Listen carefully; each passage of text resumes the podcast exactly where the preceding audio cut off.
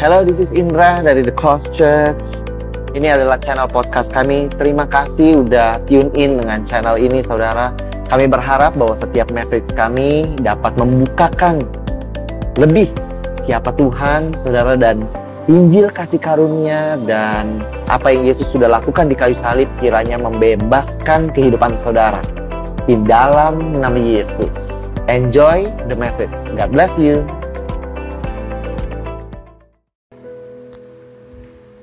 It is so good saudara-saudara, kita bisa berada di The Cosmic. Semoga saudara senang apa yang saudara lihat di layar kaca saudara. Uh, it's been a journey untuk menyiapkan tempat ini, rumah bagi kita semua saudara-saudara. And yeah, uh, I cannot wait to see you guys next week. Minggu depan saudara-saudara kita berkumpul kembali satu keluarga besar The Cos. Kita akan beribadah bersama menikmati saudara-saudara waktu bersama dengan Tuhan dan keluarga besar kita. Hari ini saudara-saudara saya ingin membagikan sebuah firman yang saya rasa uh, is very dear to my heart. Tahun lalu saya berjanji bahwa saya akan melanjutkan sebuah siri saudara-saudara mengenai tubuh jiwa dan roh, mengenai roh bahwa Tuhan itu menuntun kita, memimpin kita, bahkan berbicara kepada kita saudara-saudara karena roh Tuhan ada di dalam kita. Uh, I feel that the timing couldn't be better untuk saya membagikan ini saudara-saudara. Karena di awal tahun ini mungkin saudara banyak mendengar tahun 2023 begitu challenging. Ekonomi sounds challenging, kehidupan sounds challenging saudara-saudara. Tapi hari ini saya ingin katakan bahwa Tuhan mempunyai pendapat yang berbeda. Tuhan mempunyai suara akan keadaan yang kita hadapi saudara-saudara. Dan saya ingin bawa, saya ingin jelaskan apa yang saya maksud dengan suara Tuhan saudara-saudara. Dari firman yang kita akan baca di dalam kitab 1 Samuel pasal 3. Firman Tuhan berkata di 1 Samuel pasal 3 demikian. Samuel yang muda itu menjadi pelayan Tuhan di bawah pengawasan Eli. Pada masa itu firman Tuhan jarang penglihatan-penglihatan pun tidak sering. Jadi pada masa itu is different with now, saudara-saudara. Firman Tuhan belum banyak didengar di mana-mana, bahkan penglihatan pun tidak sering mereka dapati. Jadi is not supernatural, saudara-saudara. Banyak hal terjadi secara natural. Lalu dikatakan pada suatu hari, Eli yang matanya mulai kabur dan tidak dapat melihat dengan baik, sedang berbaring di tempat tidurnya. Lampu rumah Allah belum lagi padam. Samuel telah tidur di dalam bait suci Tuhan, tempat tabut Allah. Artinya saudara-saudara belum waktunya istirahat, but maybe he was just too tired. Dan dia pun mulai beristirahat di dalam bait suci. Lalu ayat berikutnya dikatakan bahwa Tuhan memanggil Samuel, Samuel. Dan ia menjawab, ya Bapa. Lalu berlarilah Samuel kepada Eli, serta katanya, "Ya Bapa, bukankah Bapa memanggil aku?" Tetapi Eli berkata, "Aku tidak memanggil. Tidurlah kembali." Lalu pergilah ia tidur. Dan Tuhan memanggil Samuel sekali lagi. Samuel pun bangunlah. Lalu ia pergi mendapatkan Eli serta berkata, "Ya Bapa, bukankah Bapa memanggil aku?" Tetapi Eli berkata, Aku tidak memanggil anakku, tidurlah kembali. Ayat berikutnya berkata demikian saudara-saudara. Samuel belum mengenal Tuhan. Firman Tuhan belum pernah dinyatakan kepadanya. What an amazing statement saudara-saudara. Samuel boleh tidur di bait Allah, Samuel boleh tinggal di bait Allah, Samuel boleh berada di bawah didikan Ilai, saudara-saudara seorang nab, seorang imam yang begitu luar biasa pada zaman itu. Tapi dikatakan walaupun banyak hal agamawi yang dilakukan oleh Samuel, Samuel belum mengenal Tuhan. Hari ini I just wanna I just wanna give you a reminder. Our relationship with God is not a religion, saudara-saudara. Mungkin saudara bisa sibuk di dalam gereja, saudara bisa sibuk dengan pelayanan, saudara bahkan bisa baca Alkitab setiap hari. But you are doing it out of religion, saudara-saudara, not relationship. Sama seperti Samuel, dia belum mengenal Tuhan. Sebab firman Tuhan belum pernah dinyatakan kepadanya, which means, saudara-saudara, is not fully revealed, saudara-saudara. Bahwa Samuel belum meneng, mengenal Tuhan walaupun dia mendengar, saudara-saudara. Lalu ayat ke-8 dikatakan demikian. Dan Tuhan memanggil Samuel sekali lagi untuk ketiga kalinya.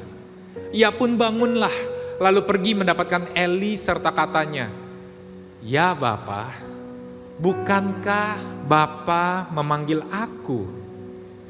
Lalu mengertilah Eli bahwa Tuhanlah yang memanggil anak itu.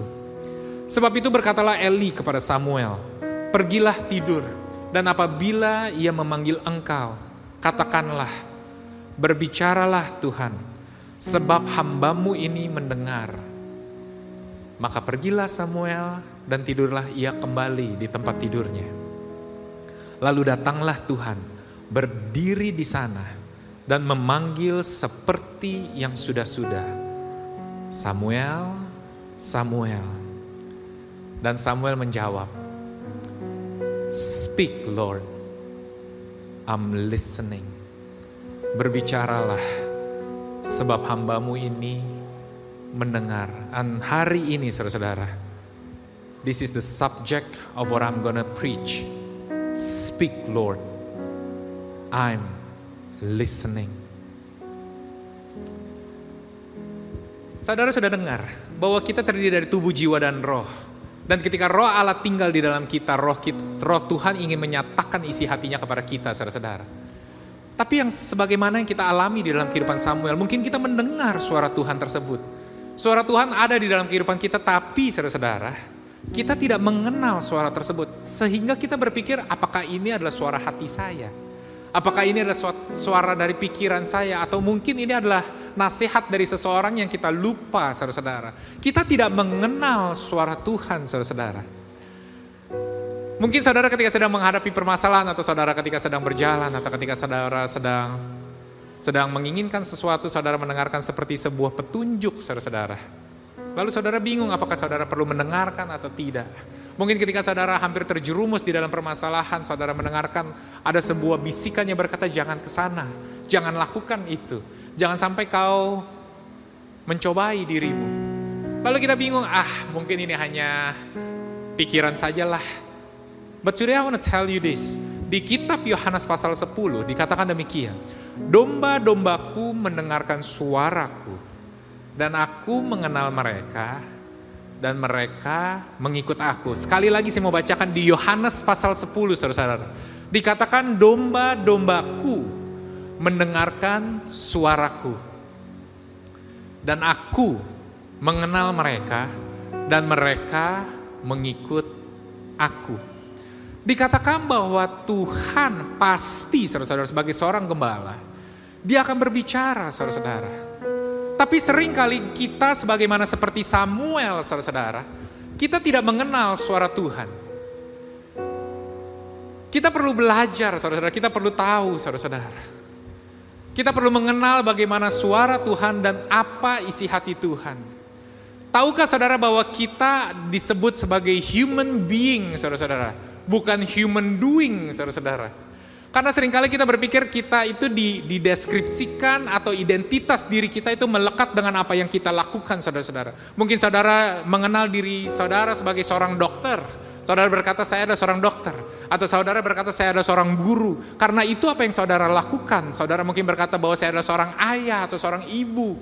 Karena itu yang saudara lakukan saudara-saudara. Tapi apa yang Tuhan nyatakan ke dalam kehidupan saudara bukanlah berdasarkan apa yang saudara lakukan. Sekali lagi saya mau katakan bahwa you are not a human doing, but you are a human being, saudara-saudara. Sebagai seorang being, seorang pribadi, maka ada sebuah deskripsi yang menggambarkan siapa identitas saudara.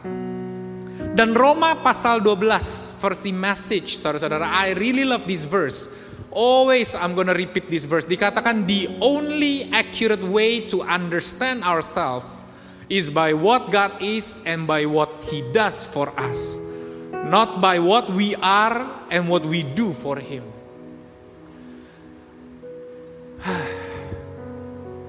Saudara pernah lihat ada sebuah gambaran domba-domba begitu banyak saudara di padang rumput. Lalu begitu banyak orang-orang yang berusaha memanggil domba-domba itu mungkin mereka katakan Sean the sheep, domba blacky, domba coklat, me datang sini. You might hear those voices, those calling saudara-saudara. Tapi tahukah saudara-saudara, yang menarik, domba-domba tersebut mereka akan terus melakukan apa yang mereka lakukan.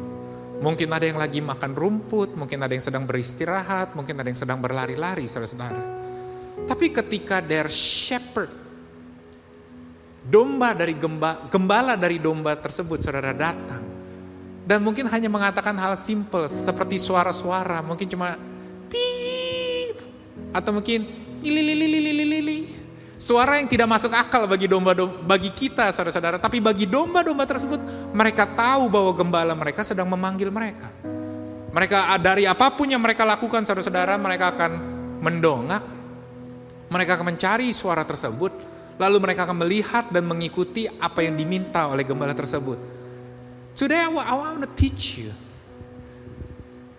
Itulah saudara-saudara yang yang kita perlu belajar saudara-saudara. Samuel, kalau saudara baca dalam kisah kehidupannya, bahkan saudara ketika baca lanjut dari 1 Samuel pasal 3 tadi saudara-saudara, di beberapa ayat berikutnya saudara akan temukan, dikatakan bahwa Samuel setiap apa pun yang dia katakan, pasti terjadi saudara-saudara. Karena apa pun yang dia katakan itu selalu in saudara-saudara, selalu sehati dengan apa yang Tuhan katakan dan Tuhan inginkan saudara-saudara.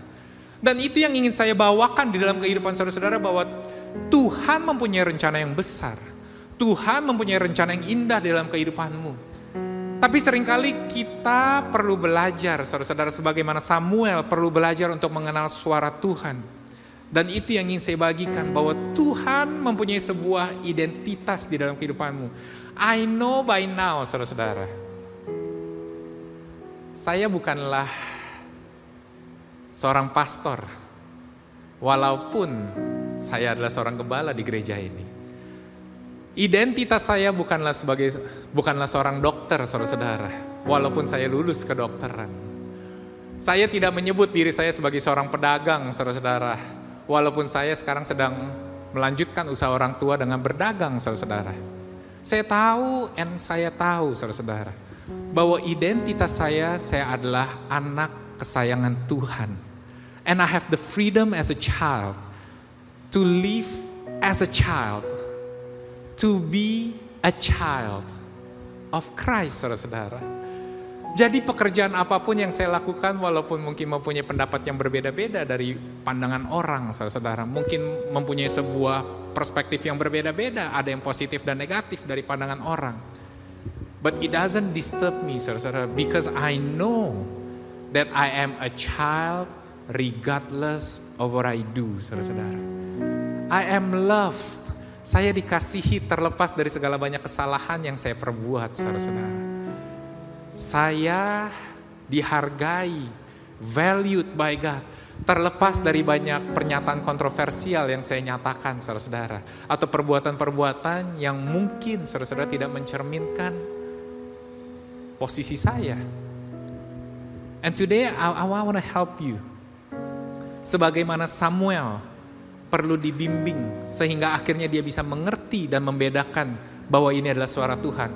I wanna help you agar saudara pun bisa saudara-saudara mengerti dan membedakan suara Tuhan di dalam kehidupan saudara-saudara. So today I wanna I wanna I wanna start with this with this statement. Under grace, the Lord lead us true yang pertama, His words, saudara-saudara. Di dalam kasih karunia Tuhan memimpin kita dengan firman-Nya. Firman Tuhan di kitab Yosua pasal 1 berkata demikian. Janganlah engkau lupa memperkatakan kitab Taurat ini. Tetapi renungkanlah itu siang dan malam. Supaya engkau bertindak hati-hati sesuai dengan segala yang tertulis di dalamnya Kenapa saudara-saudara dikatakan demikian? Sebab dengan demikian perjalananmu akan berhasil dan engkau akan beruntung. Atau dalam bahasa Inggrisnya for you to have a good success. Saya ingin saya ingin menjelaskan tentang good success, saudara-saudara. Tuhan kita bukanlah Tuhan yang menukar, saudara-saudara. He's not a trader. Jadi bukan untuk keberhasilan saudara di dalam pekerjaanmu, saudara harus menukarkan keberhasilan pekerjaanmu dengan contohnya kegagalan di dalam pernikahanmu, saudara-saudara. Tuhan bukan seorang Tuhan yang dia memberkati kehidupanmu begitu baik di dalam pelayananmu. Tapi saudara harus menukar keberhasilan tersebut dengan kesehatanmu. That is not our God, saudara-saudara. Cara Tuhan adalah Tuhan yang menambahkan dan melipat gandakan saudara-saudara. Tuhan berkata bahwa dia datang untuk membawa kehidupan dan kehidupan yang berlimpah-limpah saudara-saudara. He come to give in abundance and to multiply. Tapi caranya ada saudara-saudara. Bahwa dikatakan engkau jangan sampai lupa memperkatakan kitab Taurat ini Artinya bahwa engkau merenungkan siang dan malam. You know the word of God, saudara-saudara. Bahwa Tuhan menyuarakan suaranya, bahwa Tuhan ingin membimbing kita dan membawa kita, saudara-saudara. But it all comes from His words. I can say it in a simple statement, saudara-saudara. Statement itu adalah when we read God's written word, we will hear His spoken word. Saya boleh minta ditolong ditunjukkan slide-nya. When we read God's written word, we will hear His spoken word. Seringkali saudara-saudara kita hanya ingin mendengar suara Tuhan, Tuhan seperti audible di telinga kita saudara-saudara. Tapi kita harus akui tidak banyak dari kita saudara-saudara. Bahkan sangat jarang sekali, bahkan di dalam Alkitab saja sangat jarang sekali saudara-saudara. Ada orang yang bisa mendengarkan suara Tuhan secara audible. Seringkali mereka menemukan Tuhan dari firman yang mereka baca saudara-saudara. So today I just want to let you know, read the word of God. Come to the church, saudara-saudara. Bagaimana saudara bisa mendengarkan suara Tuhan jika saudara tidak pernah mendengarkan firman-Nya, saudara-saudara? For the word was God. Pada mulanya adalah firman. Dan firman itu bersama-sama dengan Allah dan firman itu adalah Allah sendiri, saudara-saudara. Jika saudara ingin mendengarkan suara Tuhan, maka yang pertama saudara perlu lakukan adalah saudara mendengarkan firman saudara-saudara. Saudara baca firman. Saudara dengarkan firman. Hidup sekarang semakin sederhana saudara-saudara. Saudara dapat dengarkan firman secara online, YouTube. You don't have to come to church kalau hari Minggu saudara berhalangan. Saudara dapat dengarkan firman melalui Spotify saudara-saudara. Saudara dapat dengarkan melalui YouTube saudara-saudara. Bahkan saudara dapat melihat, membaca firman saudara-saudara jika bosan membaca Alkitab, saudara dapat membaca seperti YouVersion. Renungan-renungan yang dibuat mudah. As if saudara-saudara. As if saat ini tidak lagi ada alasan saudara-saudara untuk tidak mendengar suara Tuhan. So today I want, I want, I want to encourage you. I want to encourage your family. Jika kehidupan mereka sedang berbeban berat dan mereka sedang menantikan sebuah jawaban, mungkin hal pertama yang mereka dapat lakukan adalah come to the church, saudara-saudara. And I will see you next week. Datang, dengarkanlah firman Tuhan. Karena hal yang kedua, saudara-saudara, setelah saudara mendengarkan firman Tuhan, Dikatakan bahwa under grace the Lord leads us through yang pertama adalah His words, yang kedua adalah His Spirit, saudara-saudara. Roh Tuhan tinggal di dalam kita. Dikatakan di dalam kitab Yohanes pasal 14, tetapi penghibur yaitu Roh Kudus yang akan diutus oleh Bapa dalam namaku, dialah yang akan mengajarkan segala sesuatu kepadamu dan akan mengingatkan kamu akan semua yang telah kukatakan kepadamu. Ada dua hal saudara-saudara dikatakan di firman ini. Roh Kudus, the Spirit saudara-saudara. Dia yang akan mengajarkan segala sesuatu saudara-saudara. Wow. Tuhanlah yang akan mengajarkan kita. Roh Tuhan yang tinggal di dalam kita yang akan mengajarkan kita tuh. Akan segala sesuatu saudara-saudara. Segala sesuatu artinya segala sesuatu. Saudara mungkin saat ini memerlukan hikmat untuk pekerjaan saudara. Saudara mungkin memerlukan hikmat untuk kesehatan saudara. Saudara mungkin memerlukan hikmat untuk pernikahan saudara. Saudara mungkin memerlukan hikmat untuk hubungan saudara. Saudara mungkin memerlukan arahan untuk parenting saudara. Tahukah saudara bahwa Roh Kudus akan mengajarkan segala sesuatu, saudara-saudara. Apa pun yang saudara butuhkan, Dia akan ajarkan. Dan lebih luar biasanya, saudara-saudara, Dia ajarkannya adalah custom made, saudara-saudara.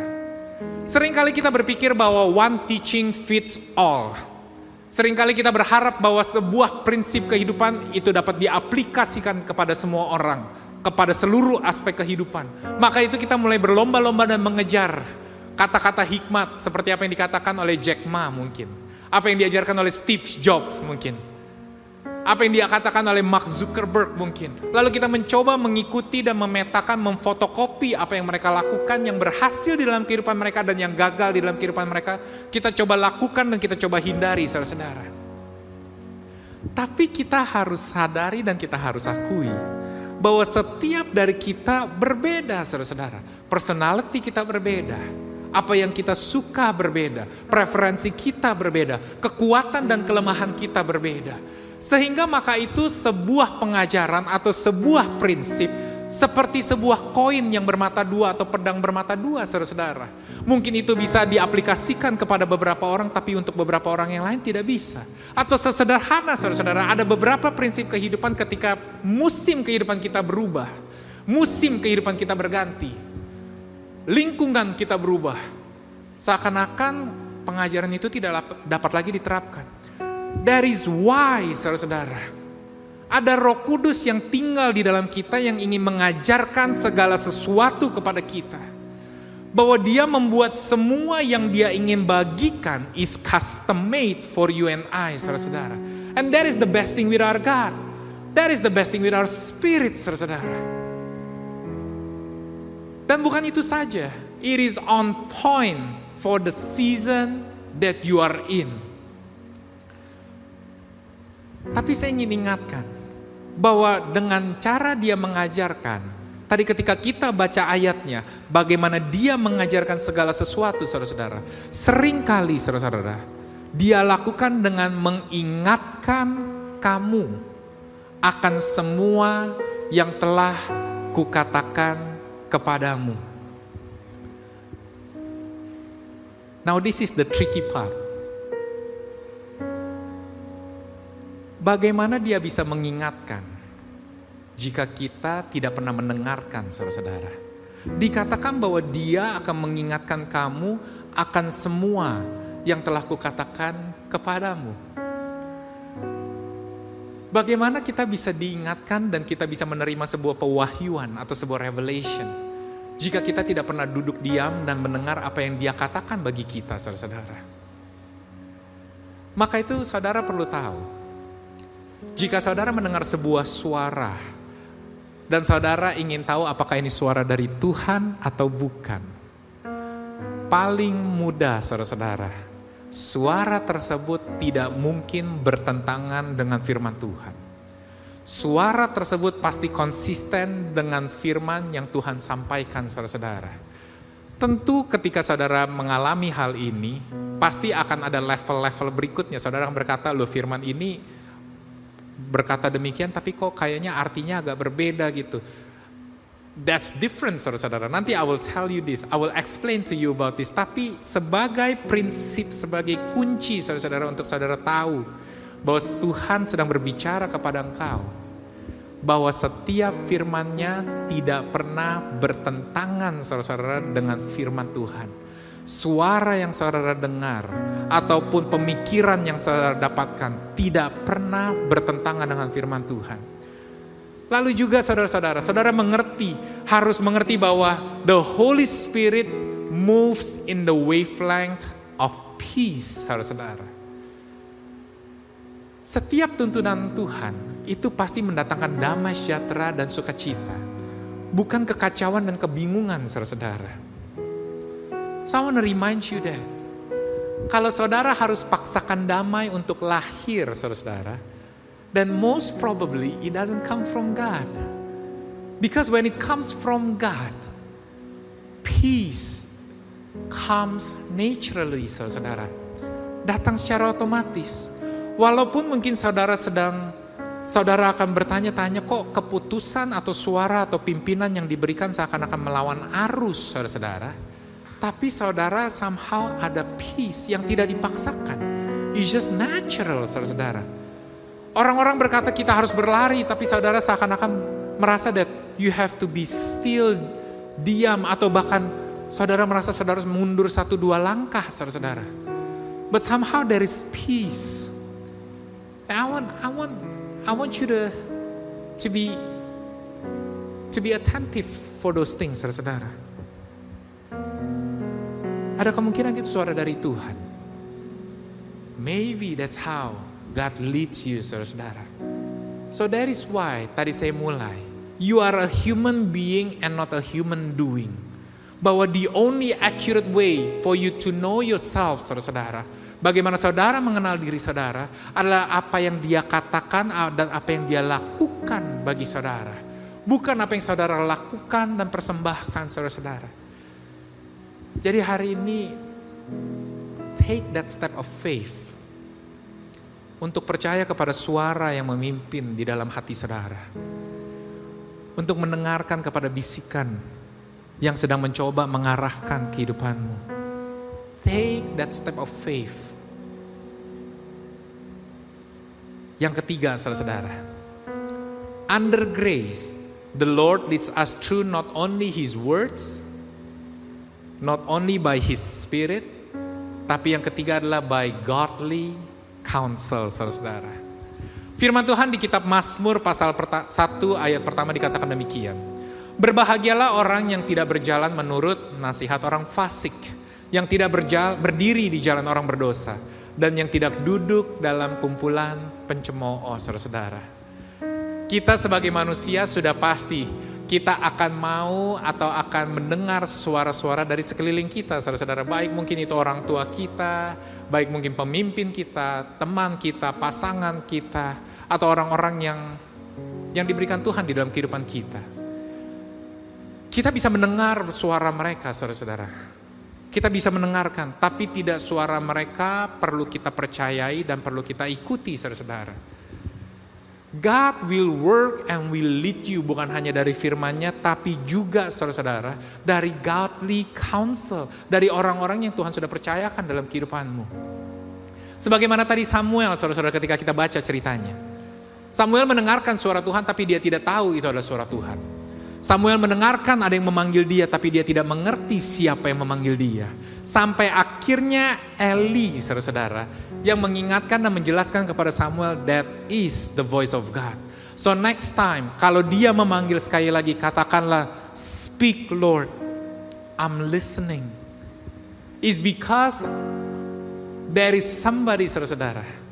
There is a godly counsel in Samuel's life yang bisa menolong untuk Samuel mengerti bahwa inilah suara Tuhan. There is the reason saudara-saudara. There is a reason makanya kenapa saudara perlu ikut yang namanya cost community. Ada di sekeliling saudara-saudara orang-orang yang lebih dewasa di dalam rohani. There is a reason why kenapa saudara perlu ada di gereja saudara-saudara. Mendengarkan suara seorang gembala saudara-saudara agar saudara dapat membedakan to discern and to distinguish saudara-saudara.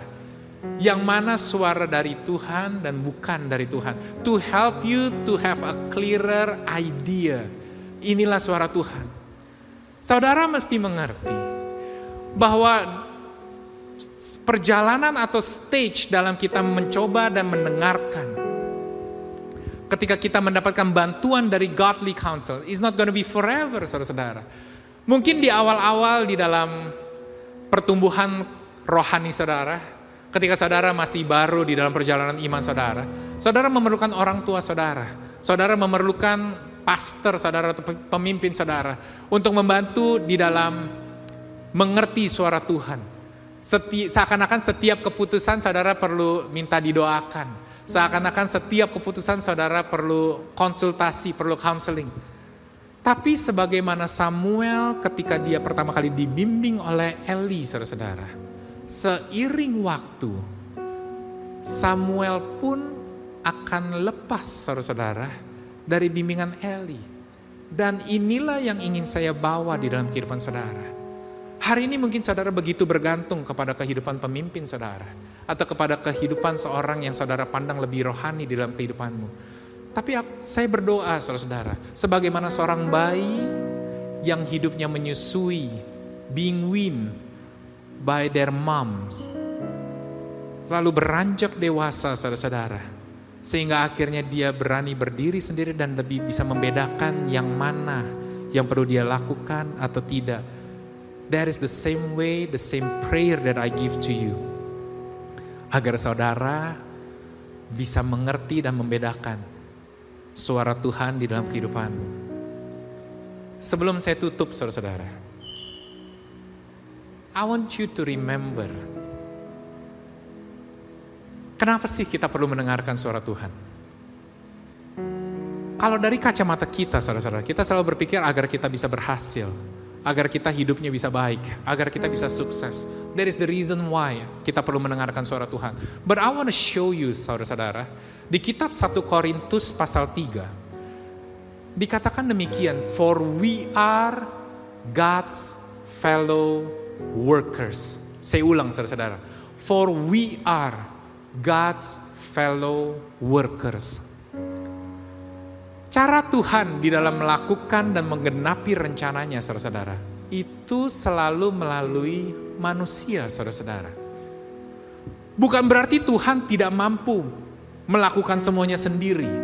Tuhan menciptakan bumi ini dari tidak ada menjadi ada hanya sendiri, saudara-saudara. He didn't need us. Dia hanya berfirman dan terjadilah, terpisahlah terang dari gelap. Terpisahlah air dengan daratan terbentuklah cakrawala, terciptalah bintang-bintang, terciptalah pohon-pohon dan binatang. Semuanya dia dapat lakukan sendiri, saudara-saudara. Tapi begitu manusia tercipta, setelah Adam dan Hawa ada, saudara-saudara, Tuhan selalu menggenapi rencananya bekerja sama dengan manusia, saudara-saudara. For we are God's fellow workers. So for every good thing For every good plans that he has in this world, dia pasti ingin lakukan melalui saudara dan saya. Dia pasti akan menyatakannya melalui saudara dan saya. Maka itu saudara-saudara, your well-being is important. Kalau saudara dapat bisa mendengarkan suara dia, kalau saudara dapat bisa mengerti suara dia, kalau saudara dapat membedakan suara dia, bukan saja kehidupan saudara diberkati saudara-saudara, tapi saudara akan memberkati siapa pun yang di sekeliling Anda.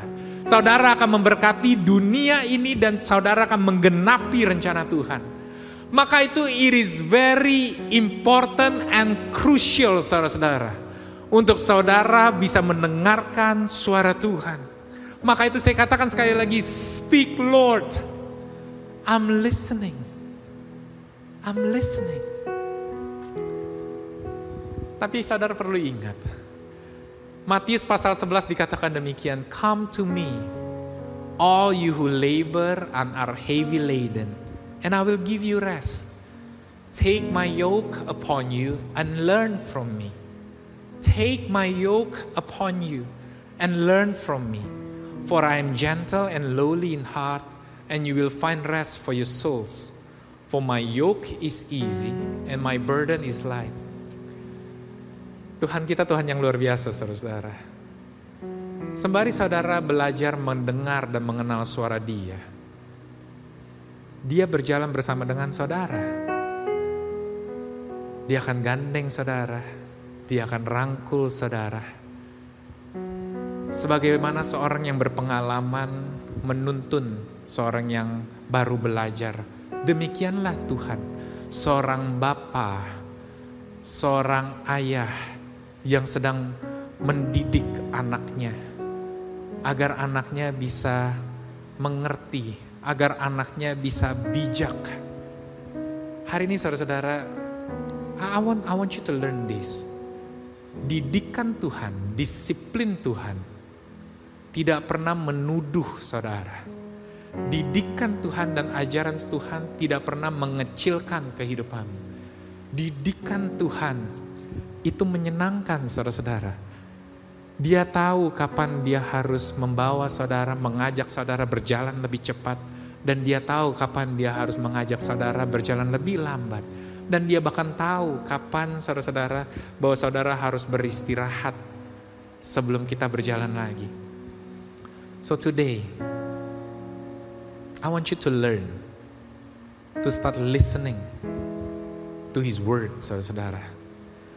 Dimulai saudara-saudara dari dengarkanlah firman. Datanglah ke gereja. Jangan jauhilah pertemuan-pertemuan ibadah.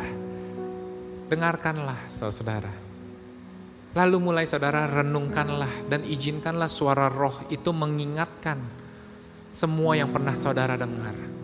Tidak pernah melebihi, saudara jangan khawatir. Jangan berpikir pendeta yang mendengarkan lebih banyak pasti akan dididik lebih banyak. No, dia akan mengingatkan sesuai dengan porsi yang saudara miliki, saudara-saudara. Kalau saudara hanya bisa mendengarkan 5 menit akan firman Tuhan, He can remind you and He can teach you, saudara-saudara. With the simpleness, saudara-saudara. Dengan kesederhanaan firman yang saudara dengar, Dia dapat mengajarkan saudara akan segala sesuatu yang saudara butuhkan untuk kehidupanmu. Dan yang terakhir, saudara-saudara, remember, ada ada godly counsel yang Tuhan tempatkan di sekeliling saudara untuk membantu saudara berjalan bersama dengan saudara sebagai seorang fisik yang dapat kita sentuh dan dapat kita lihat. Tapi seluruhnya itu saudara-saudara. Saya berdoa that one day, maybe three years from now, five years from now, saya dapat melihat you are a man of God because you can listen to His voice. You know His voice. You know how to discern things. And I'm praying for that to happen in your life. Amen, amen, and amen.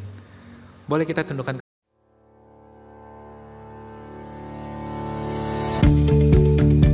Terima kasih lagi sudah mendengarkan episode ini saudara dari podcast ini. Thank you so much saudara. Saya berharap bahwa Injil kasih karunia dan apa yang Yesus sudah lakukan bisa membebaskan kehidupanmu saudara.